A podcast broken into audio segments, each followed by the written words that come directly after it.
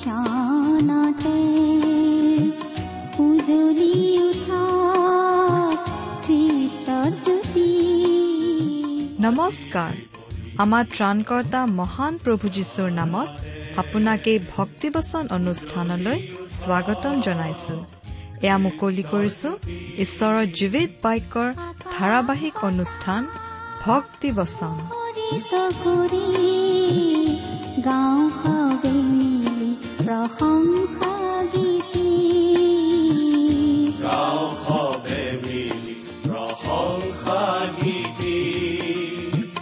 আজিৰে পবিত্ৰ ক্ষণতে উজলি উঠা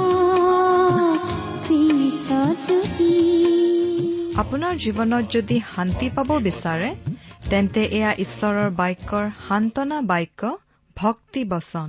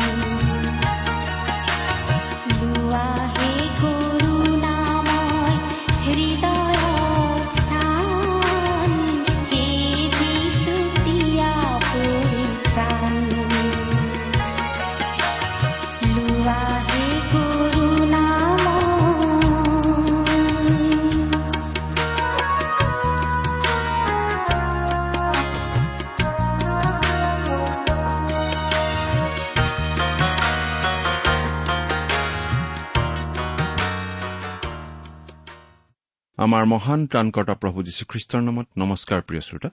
আশা কৰোঁ আপুনি ভালে কুশলে আছে। প্ৰিয় শ্ৰোতা আপুনি বাৰু আমাৰ এই ভক্তিবচন অনুষ্ঠানটো নিয়মিতভাৱে শুনি আছেনে? এই অনুষ্ঠান সম্বন্ধে আপোনাৰ মতামত আদি জনাই আমালৈ চিঠি পত্ৰ লিখিছেনে বাৰু?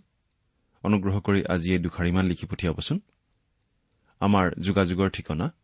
ভক্তিবচন টি ডাব্লিউ আৰ ইণ্ডিয়া ডাক পাকচ নম্বৰ সাত শূন্য গুৱাহাটী সাত আঠ এক শূন্য শূন্য এক।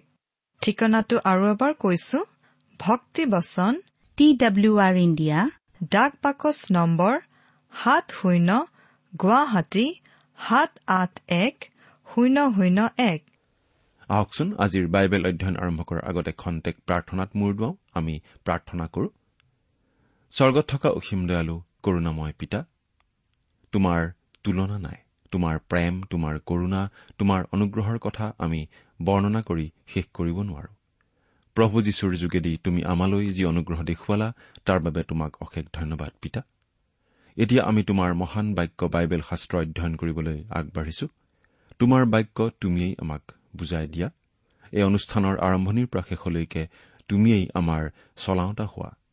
অনুষ্ঠান শুনি থকা প্ৰতিজন শ্ৰোতাৰ জীৱনত তোমাৰ মহান অনুগ্ৰহৰ আশীৰ্বাদ প্ৰকাশ পাই উঠিবলৈ দিয়া। কিয়নো এই প্ৰাৰ্থনা আমাৰ মহান ত্ৰাণকৰ্তা প্ৰভু যীশুখ্ৰীষ্টৰ নামত আগবঢ়াইছো। আমেন।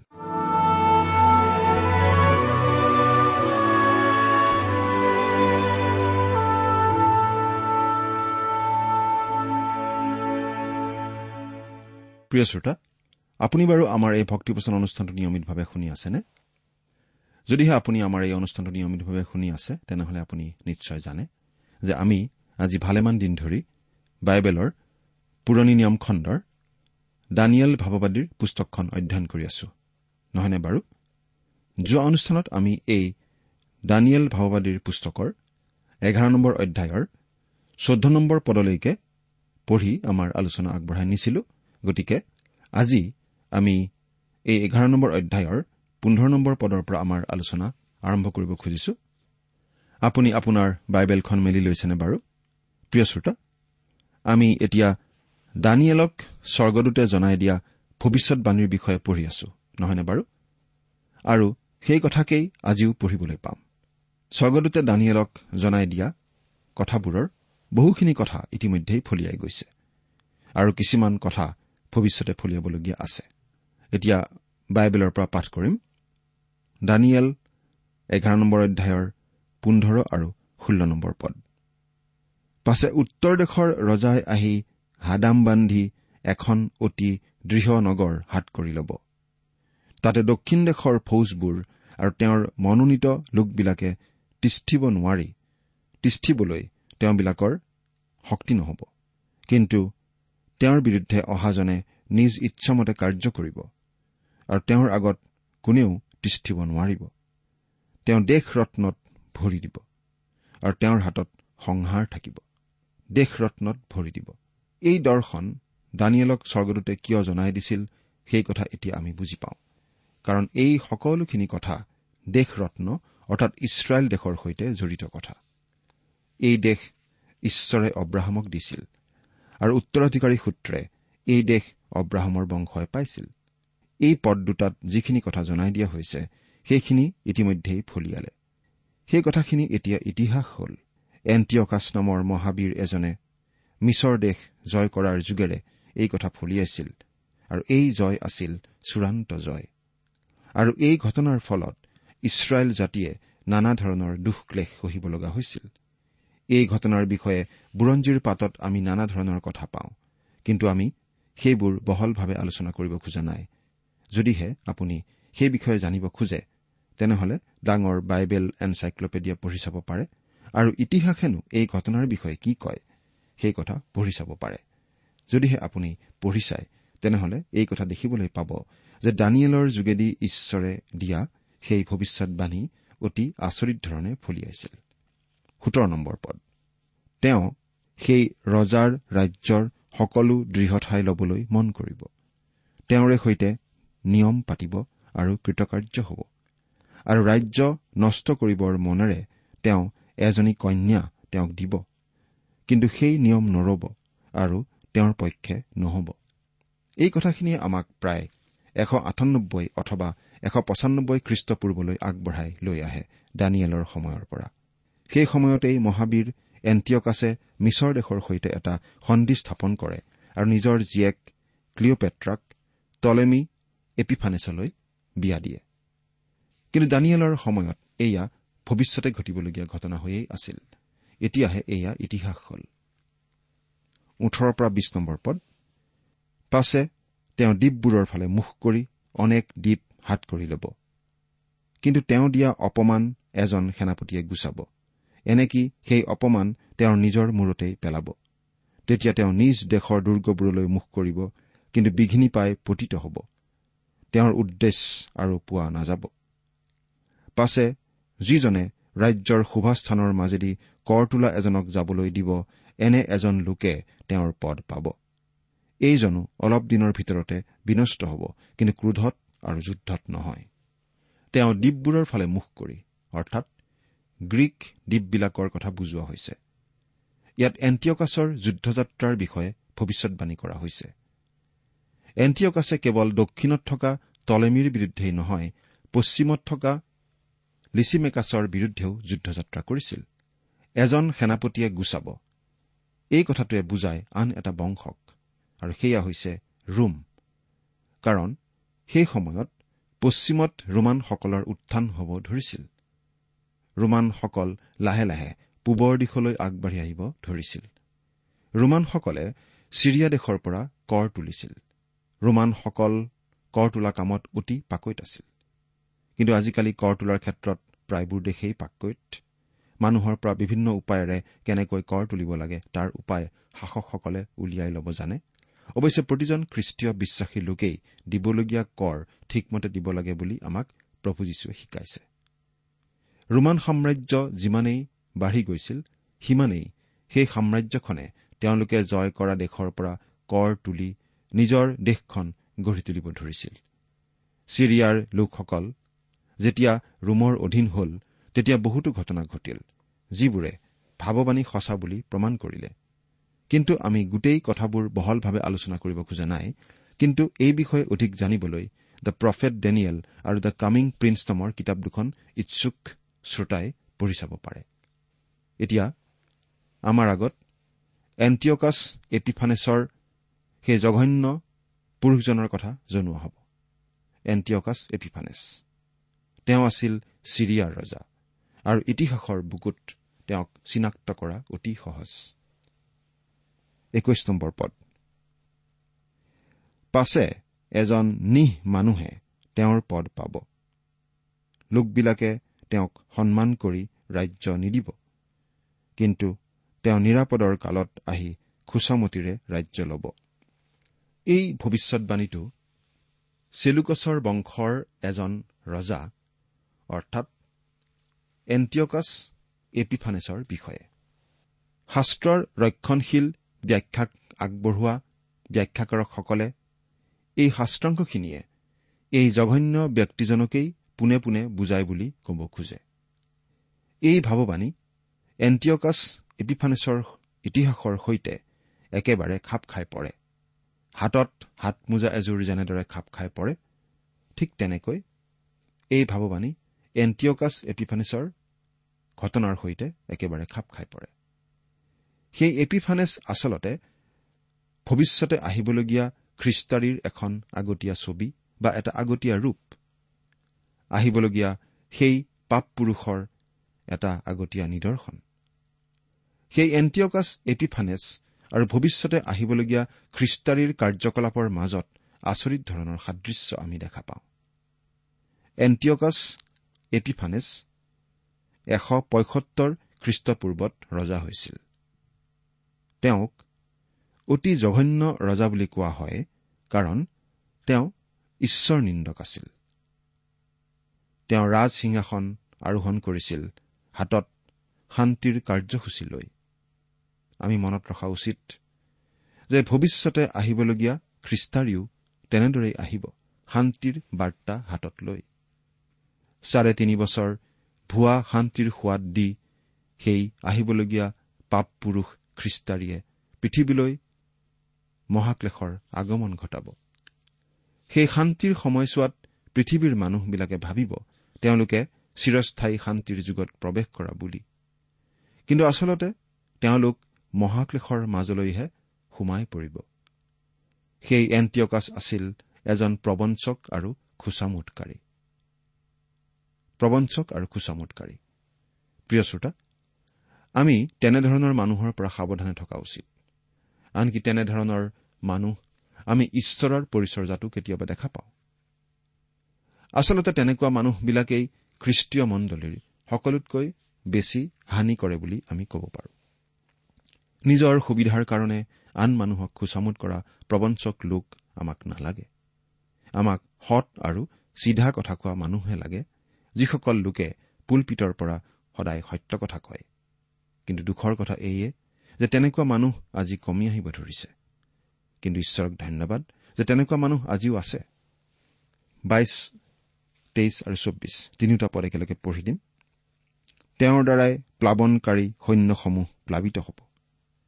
সিহঁত ভগ্ন হ'ব। আৰু নিয়মটিৰে বন্ধা অধিপতিজনো ভগ্ন হ'ব। তেওঁৰ লগত মিত্ৰতাৰ কথা থিৰ কৰাৰে পৰা তেওঁ চল কৰিব। কিয়নো তেওঁ আহি অলপ সৈন্যৰেই জয়ী হ'ব। তেওঁ নিৰাপদৰ কালত প্ৰদেশৰ অতি ঐশ্বৰ্যশালী ঠাইবোৰত সোমাব। আৰু তেওঁৰ বাপেক ককাকে যি কৰা নাই তাক কৰিব। তেওঁ লুটদ্ৰব্য কাঢ়ি লোৱা বস্তু আৰু ধন সম্পত্তি সিহঁতৰ মাজত বিলাই দিব। এনেকি কিছুকাল দুৰ্গবোৰৰ বিৰুদ্ধেও কল্পনা কৰিব। নিয়মটিৰে বন্ধা অধিপতি মানেনো কোন? খুব সম্ভৱ ইছৰাইলৰ মহাপুৰোহিতকেই ইয়াত বুজোৱা হৈছে। এই মহাপুৰোহিতজন আছিল অনিয়াছ তৃতীয়জন অৰ্থাৎ সেই মহাপুৰোহিত যিজনক সেই এণ্টিয়কাছে পাছত বধ কৰাইছিল। পঁচিছৰ পৰা আঠাইছ নম্বৰ পদ। আৰু তেওঁ মহা সৈন্যদল লগত লৈ দক্ষিণ দেশৰ ৰজাৰ বিৰুদ্ধে নিজৰ বল আৰু সাহ বঢ়াব। তাতে দক্ষিণ দেশৰ ৰজাই অতিশয় অধিক আৰু পৰাক্ৰমী সৈন্যসমূহ লগত লৈ যুদ্ধ কৰিবলৈ ধৰিব কিন্তু তিষ্টিব নোৱাৰিব কিয়নো লোকবিলাকে তেওঁৰ অহিতে নানা কল্পনা কৰিব। যিবিলাকে তেওঁৰ আহাৰ খায় তেওঁবিলাকেই তেওঁক নষ্ট কৰিব আৰু তেওঁৰ সৈন্যসমূহ অতি বেগেৰে পলাই যাব আৰু অনেক লোক হত হৈ পতিত হ'ব। আৰু এই দুজন ৰজাৰ বিষয়ে হলে তেওঁবিলাকৰ অপকাৰ কৰিবৰ মন তেওঁবিলাকে একে মেজতে বহি মিছা কথা কব। কিন্তু সেয়ে সিদ্ধ নহব।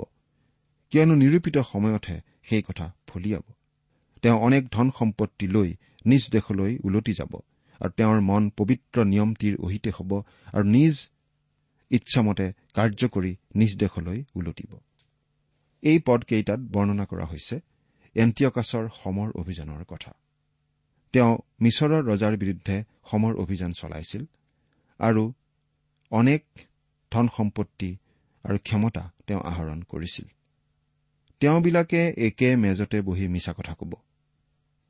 এই কথাটোৰ দ্বাৰা এইটো প্ৰকাশ পাইছে যে এণ্টিয়কাছ আছিল বিশ্বাস আৰু ভৰসা কৰিব নোৱাৰা ধৰণে মিছলীয়া। লগতে এই কথাটোও আমি বুজি পাইছো যে সেই সময়ৰ আলোচনাৰ মেজবোৰো আজিকালিৰ আলোচনাৰ মেজৰ নিচিনাই আছিল য'ত মানুহে আচলতে টুটলীয়া কথা কয় আৰু মানুহৰ মাজত হোৱা মিত্ৰতা আৰু চুক্তি কাগজৰ পাততেই সীমাবদ্ধ থাকে। পদ। নিৰূপিত সময়ত তেওঁ পুনৰাই দক্ষিণ দেশত সোমাব। কিন্তু পূৰ্বকালত যেনে হৈছিল পাছৰ কালত তেনে নহ'ব। কিয়নো কৃত্ৰিমৰ জাহাজবোৰ তেওঁৰ বিৰুদ্ধে আহিব। এই নিমিত্তে তেওঁ বেজাৰ পাই ওলটি যাব আৰু পবিত্ৰ নিয়মটিৰ বিৰুদ্ধে ক্ৰোধ কৰি ইচ্ছামতে কাৰ্য কৰিব। হয় তেওঁ ঘূৰি আহি পবিত্ৰ নিয়মটি ত্যাগ কৰা লোকবিলাকে সৈতে মিল হ'ব। এণ্টিয়কাছে দ্বিতীয়বাৰ মিছৰ দেশ আক্ৰমণ কৰিছিল যদিও সফল হ'ব পৰা নাছিল। ৰুমিয়া নৌবাহিনীৰ কাৰণে। কৃত্ৰিমৰ জাহাজ মানে ৰুমিয়াসকলৰ সেই নৌবাহিনীকেই বুজোৱা হৈছে। তেওঁ ইছৰাইলৰ সৈতে কৰা তেওঁৰ চুক্তি ভংগ কৰিছিল। কিন্তু এই কথাও মন কৰিবলগীয়া যে কিছুমান যিহুদী লোকেও নিজৰ জাতিক প্ৰতাৰণা কৰিছিল। তেওঁ ঘূৰি আহি পবিত্ৰ নিয়মটি ত্যাগ কৰা লোকবিলাকে সৈতে মিল হ'ব। এইবুলি কওঁতে এই কথাটোকেই বুজোৱা হৈছে যে ইছৰাইল জাতিৰ লোক কিছুমানেও নিজৰ জাতিক প্ৰতাৰণা কৰিছিল। পদ। আৰু তেওঁৰ ওচৰৰ পৰা এদল সৈন্যই উঠি গৈ ধৰ্মধাম অৰ্থাৎ দুৰ্গ অসুচী কৰিব আৰু নিত্য বলিদান গুচাই ধ্বংসকাৰী ঘীনলগীয়া বস্তু স্থাপন কৰিব। এণ্টিয়ক আছে এশ সত্তৰ খ্ৰীষ্টপূৰ্বত জিৰচালেমৰ বিৰুদ্ধে যুদ্ধ চলাইছিল আৰু সেই সময়ত এক লাখতকৈও অধিক যিহুদী লোকৰ মৃত্যু হৈছিল। সেই এণ্টিয়ক আছে মন্দিৰৰ পৰা দৈনিক আগবঢ়োৱা বলি আঁতৰ কৰি পেলাইছিল। মন্দিৰৰ বেদীৰ ওপৰত গাহৰিৰ তেজ আৰু গাহৰিৰ জোল ছটিয়াইছিল। আৰু মন্দিৰৰ অতি পবিত্ৰ স্থানত উপাসনা কৰিবৰ বাবে জুপিটাৰৰ মূৰ্তি এটা স্থাপন কৰিছিল। এয়া আছিল ধ্বংসকাৰী অতি ঘীনলগীয়া বস্তু। কিন্তু প্ৰভু যীশুখ্ৰীষ্টই যি ঘীনলগীয়া কাৰ্যৰ কথা কৈ গৈছে সেইটো হৈছে ভৱিষ্যতে ঘটিবলগীয়া ঘটনা। প্ৰভু যীশুৱে সেইটো ভৱিষ্যতে ঘটিবলগীয়া ঘটনা হিচাপে কৈছিল আৰু সেইটো এতিয়াও ভৱিষ্যতে ঘটিবলগীয়া ঘটনা হৈয়েই আছে। এণ্টিয়ক আছে যেনেদৰে জিৰচালেমৰ মন্দিৰ অপবিত্ৰ কৰিছিল ঠিক তেনেদৰে ভৱিষ্যতেও খ্ৰীষ্টাৰীয়ে জিৰচালেম অপবিত্ৰ কৰিব। ভৱিষ্যতৰ এই ঘীনলগীয়া ধ্বংসকাৰ্য কৰিব ভৱিষ্যতে আহিবলগীয়া খ্ৰীষ্টাৰীয়ে। এণ্টিয়ক আছে মন্দিৰত জুপিটাৰৰ মূৰ্তি স্থাপন কৰিছিল। কিন্তু আমি ভাবো যে ভৱিষ্যতে আহিবলগীয়া সেই পাপ পুৰুষ সেই খ্ৰীষ্টাৰীয়ে জিৰচালেমৰ মন্দিৰত খুব সম্ভৱ নিজৰ মূৰ্তিকেই স্থাপন কৰিব। সকলো মানুহে তেওঁৰ আগত মূৰ দুৱাবলৈ তেওঁ বাধ্য কৰাবলৈ চেষ্টা কৰিব। তেনেকুৱা ভয়ংকৰ দিন আহি আছে। সেয়া ভৱিষ্যতে ঘটিব বুলি বাইবেলত আমাক জনাই থোৱা হৈছে। এতিয়া বত্ৰিশ নম্বৰ পদটো পাঠ কৰি দিব খুজিছো। ইয়াত আমি এনেদৰে পাওঁ আৰু খোচামতী বাক্যৰ দ্বাৰাই তেওঁ নিয়ম লংঘনকাৰীবোৰক ভ্ৰষ্ট কৰিব। কিন্তু যি প্ৰজাবিলাকে নিজ ঈশ্বৰক জানে তেওঁবিলাক বলৱন্ত হৈ কৃতকাৰ্য হ'ব। ইছৰাইল দেশত বহুতো লোক আছিল যিবিলাক লোকে ইস্কৰতীয়া যীহুদাৰ নিচিনা কাৰ্য কৰিছিল। ইস্কৰতীয়া যীহুদাই প্ৰভু যীশুখ্ৰীষ্টক প্ৰতাৰণা কৰাৰ নিচিনাকৈ বহুতো ইছৰাইলীয়া লোকে নিজৰ জাতিৰ লোকবিলাকক প্ৰতাৰণা কৰিছিল। কিন্তু কিছুমান ঈশ্বৰভক্ত লোকো তেওঁবিলাকৰ মাজত আছিল। তেওঁলোকেও ঈশ্বৰৰ ভৰসাত কিছুমান বীৰত্বৰ কাৰ্য কৰিছিল। এই দুৰ্যোগৰ সময়ছোৱাত ঈশ্বৰে এনে বিশ্বাসী বীৰ কিছুমানক ব্যৱহাৰ কৰিছিল। মেকাবী নামৰ বীৰ পৰিয়ালটো এই সময়তেই ঈশ্বৰে বিশেষভাৱে গঢ়ি তুলিছিল। এশ ছয়ষষ্ঠি খ্ৰীষ্টপূৰ্বত মেথায়াছ নামৰ পুৰোহিত এজনে সেই ঘীনলগীয়া আৰু জঘন্য ঈশ্বৰ নিন্দাৰ বিৰুদ্ধে এটা বিদ্ৰোহৰ নেতৃত্ব দিছিল। সেই বিদ্ৰোহী লোকবিলাকৰ সমষ্টিকেই মেক্কাবী বুলি কোৱা হৈছিল। মেকাবী শব্দৰ অৰ্থ হৈছে হাতুৰি যদিও শাস্ত্ৰত তেওঁবিলাকৰ বিষয়ে একো উল্লেখ কৰা হোৱা নাই। তথাপি আমি অতি দৃঢ়তাৰে এই বুলি ক'ব পাৰো যে সেই বিশেষ দুৰ্যোগৰ সময়ত তেওঁলোক আছিল ঈশ্বৰৰ হকে বিশেষভাৱে থিয় দিয়া লোক। এনে লোক ঈশ্বৰে সদায় গঢ়ি তোলে বিভিন্ন সময়ত। ঠিক একেদৰে ভৱিষ্যতে যেতিয়া পৃথিৱীত আহিবলগীয়া সেই খ্ৰীষ্টাৰীৰ যোগেদি সেই পাপ পুৰুষৰ যোগেদি মহাক্লেশ ঘটিব। ভৱিষ্যতে যেতিয়া ইছৰাইল জাতিয়ে সেই মহাক্লেশৰ মাজেদি পাৰ হৈ যাব লগা হ'ব সেই মহাক্লেশৰ সময়ত এনেকুৱা ঈশ্বৰ বিশ্বাসী লোক অনেক ওলাব। ঈশ্বৰৰ হকে তেওঁলোকে থিয় দিব ঈশ্বৰৰ বাক্য তেওঁলোকে ঘোষণা কৰিব আৰু ঈশ্বৰৰ হকে তেওঁলোকে সাক্ষ্য দিব। এতিয়া আমি তেত্ৰিশ আৰু চৌত্ৰিশ নম্বৰ পদ দুটা পাঠ কৰি দিম। তেত্ৰিশ আৰু চৌত্ৰিশ। আৰু মানুহবিলাকৰ মাজৰ জ্ঞানীবিলাকে অনেকক শিক্ষা দিব। তথাপি তেওঁবিলাকে কিছু সময়লৈ তৰোৱাল অগ্নিশিখা বন্দী অৱস্থা আৰু লুটত পতিত হ'ব। পতিত হোৱা সময়ত তেওঁবিলাকে অলপ সহায় পাব। কিন্তু অনেকে খোচামতী বাক্যেৰে তেওঁবিলাকৰ লগ ল'ব। ইয়াত যিখিনি কথা কোৱা হৈছে সেইখিনি ঘটনা ঘটি গৈছিল পুৰণি নিয়ম আৰু নতুন নিয়মৰ মাজৰ সময়ছোৱাত। আৰু এই বিশেষ সময়খিনি আছিল দুখ কষ্ট দুখ যন্ত্ৰণাৰ সময়। ইছৰাইল জাতিৰ বাবে এটা অতি ভয়ংকৰ সময়। কিন্তু এই বিশেষ দুৰ্যোগৰ সময়তো বহুতো ইছৰাইলীয় লোকে অতি নিষ্ঠাপূৰ্ণভাৱে অতি সাহসেৰে ঈশ্বৰৰ পৰিচৰ্যা কৰিছিল। ঠিক দানিয়েল ডায়ুদ এলিয়া জিৰিমিয়া নাইবা আন আন ঈশ্বৰ বিশ্বাসী লোকসকলৰ নিচিনাকৈ। এই দৰ্শন যেতিয়া দানিয়েলক জনোৱা হৈছিল তেতিয়া এইবোৰ আছিল ভাৱবাণী। অৰ্থাৎ দানিয়েলৰ দিনত এইবোৰ ভৱিষ্যতে ঘটিবলগীয়া ঘটনা হৈ আছিল। আজি কিন্তু এইবোৰ আমাৰ বাবে ইতিহাস হ'ল কাৰণ এইবোৰ ঘটনা ইতিমধ্যে ঘটি গ'ল। ইতিহাসৰ বুকুত এই ঘটনাবোৰ আজি লিপিবদ্ধ হৈ আছে। এই ঘটনাবোৰৰ বিষয়ে যদি আপুনি জানিব বিচাৰে তেনেহলে এপক্ৰিফাৰ প্ৰথম আৰু দ্বিতীয় মেকাবিজ আৰু জোচেফাছ নামৰ এজন ইতিহাসবিদে লিখা লিখনিসমূহ পঢ়িব পাৰে। পঁয়ত্ৰিশ নম্বৰ পদ। আৰু শেষৰ সময়লৈকে জ্ঞানীবিলাকক পৰীক্ষাসিদ্ধ পবিত্ৰ আৰু শুক্লা কৰা হবৰ নিমিত্তে তেওঁবিলাকৰ মাজৰো কোনো কোনো পতিত হ'ব কিয়নো তেতিয়াও নিৰূপিত কাল উপস্থিত হবলৈ সময় থাকিব। শেষৰ সময় বুলি কোৱাৰ লগে লগে এণ্টিঅকাছ এপিফানেছৰ সময়ৰ পৰা আমাক ভৱিষ্যতে আহিবলগীয়া খ্ৰীষ্টাৰীৰ সময়লৈকে আগবঢ়াই লৈ যোৱা হয়। এতিয়া আমি অতীতত ঘটি যোৱা সেই ঘটনাবোৰৰ পৰা ভৱিষ্যতে এই পৃথিৱীত ঘটিবলগীয়া ঘটনালৈ চাই পঠিয়াব পাৰো। যি সময়ত দানিয়েলক এই ভাৱবাণীবোৰ জনোৱা হৈছিল তেতিয়া এইবোৰ আছিল ভৱিষ্যতে ঘটিবলগীয়া ঘটনা। তাৰে কিছুমান ইতিমধ্যেই ঘটি গ'ল আৰু কিছুমান এতিয়াও ঘটিবলৈ বাকী আছে। সেইবোৰ ভৱিষ্যতে ঘটিব শেষকালত। প্ৰিয় শ্ৰোতা ঈশ্বৰৰ বাক্য কেতিয়াও অথলে যোৱা নাই আৰু নাযায়। সেই বাক্যতে ভৰসা কৰি আপুনি আপোনাৰ জীৱন কটাবলৈ শিকিছেনে? চিন্তা কৰি চাওকচোন। ঈশ্বৰে আপোনাক আশীৰ্বাদ কৰক। আমেন।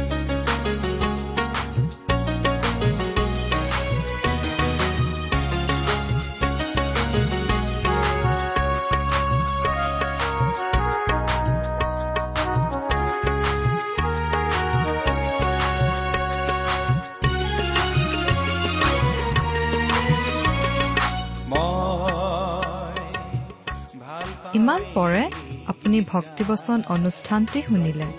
অনুষ্ঠানটি শুনি কেনে পালে? আমালৈ চিঠি লিখি জনাবচোন। অনুষ্ঠানত প্ৰচাৰ কৰা কোনো কথা বুজিব লগা থাকিলেও আমালৈ লিখক। আমাৰ ঠিকনা ভক্তিবচন টি ডাব্লিউ আৰ ইণ্ডিয়া ডাক পাকচ নম্বৰ সাত শূন্য গুৱাহাটী সাত আঠ এক শূন্য শূন্য এক। ঠিকনাটো আৰু এবাৰ কৈছো। ভক্তিবচন টি ডাব্লিউ আৰ ইণ্ডিয়া ডাক পাকচ নম্বৰ সাত শূন্য গুৱাহাটী সাত আঠ এক শূন্য শূন্য এক। আপুনি ইমেইল যোগেৰেও আমাৰ সৈতে যোগাযোগ কৰিব পাৰে। আমাৰ ইমেইল আইডিটো হৈছে Assamese T TV at radio' eight eight two dot com. আইডিটো আকৌ এবাৰ কৈছো। Assamese T TV at radio' eight eight two dot com. আপুনি টেলিফোনৰ মাধ্যমেৰেও আমাক যোগাযোগ কৰিব পাৰে। আমাৰ টেলিফোন নম্বৰটো হৈছে শূন্য তিনি ছয় এক দুই ছয় শূন্য চাৰি ছয় সাত এক। ফোন নম্বৰটো আকৌ এবাৰ কৈছো zero' three six one two six zero' four six seven one. আজিৰ অনুষ্ঠানটি ইমানতে সামৰিছো। ঈশ্বৰৰ শান্তি আৰু অনুগ্ৰহ আপোনাৰ লগত থাকক। ধন্যবাদ। গোহালি ঘৰ তেওঁ জনম ধৰিলে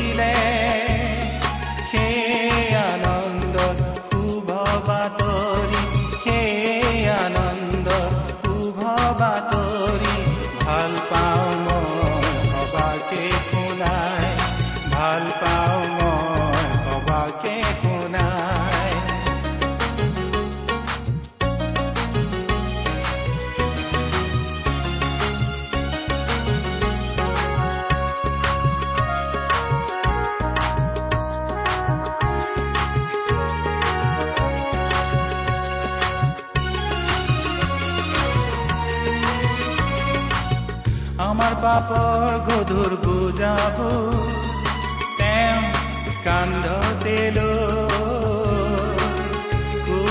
ওপৰত প্ৰাণৰ পিলে জীৱন দিবলৈ আমাৰ পাপৰ গধুৰ বুজাবোৰ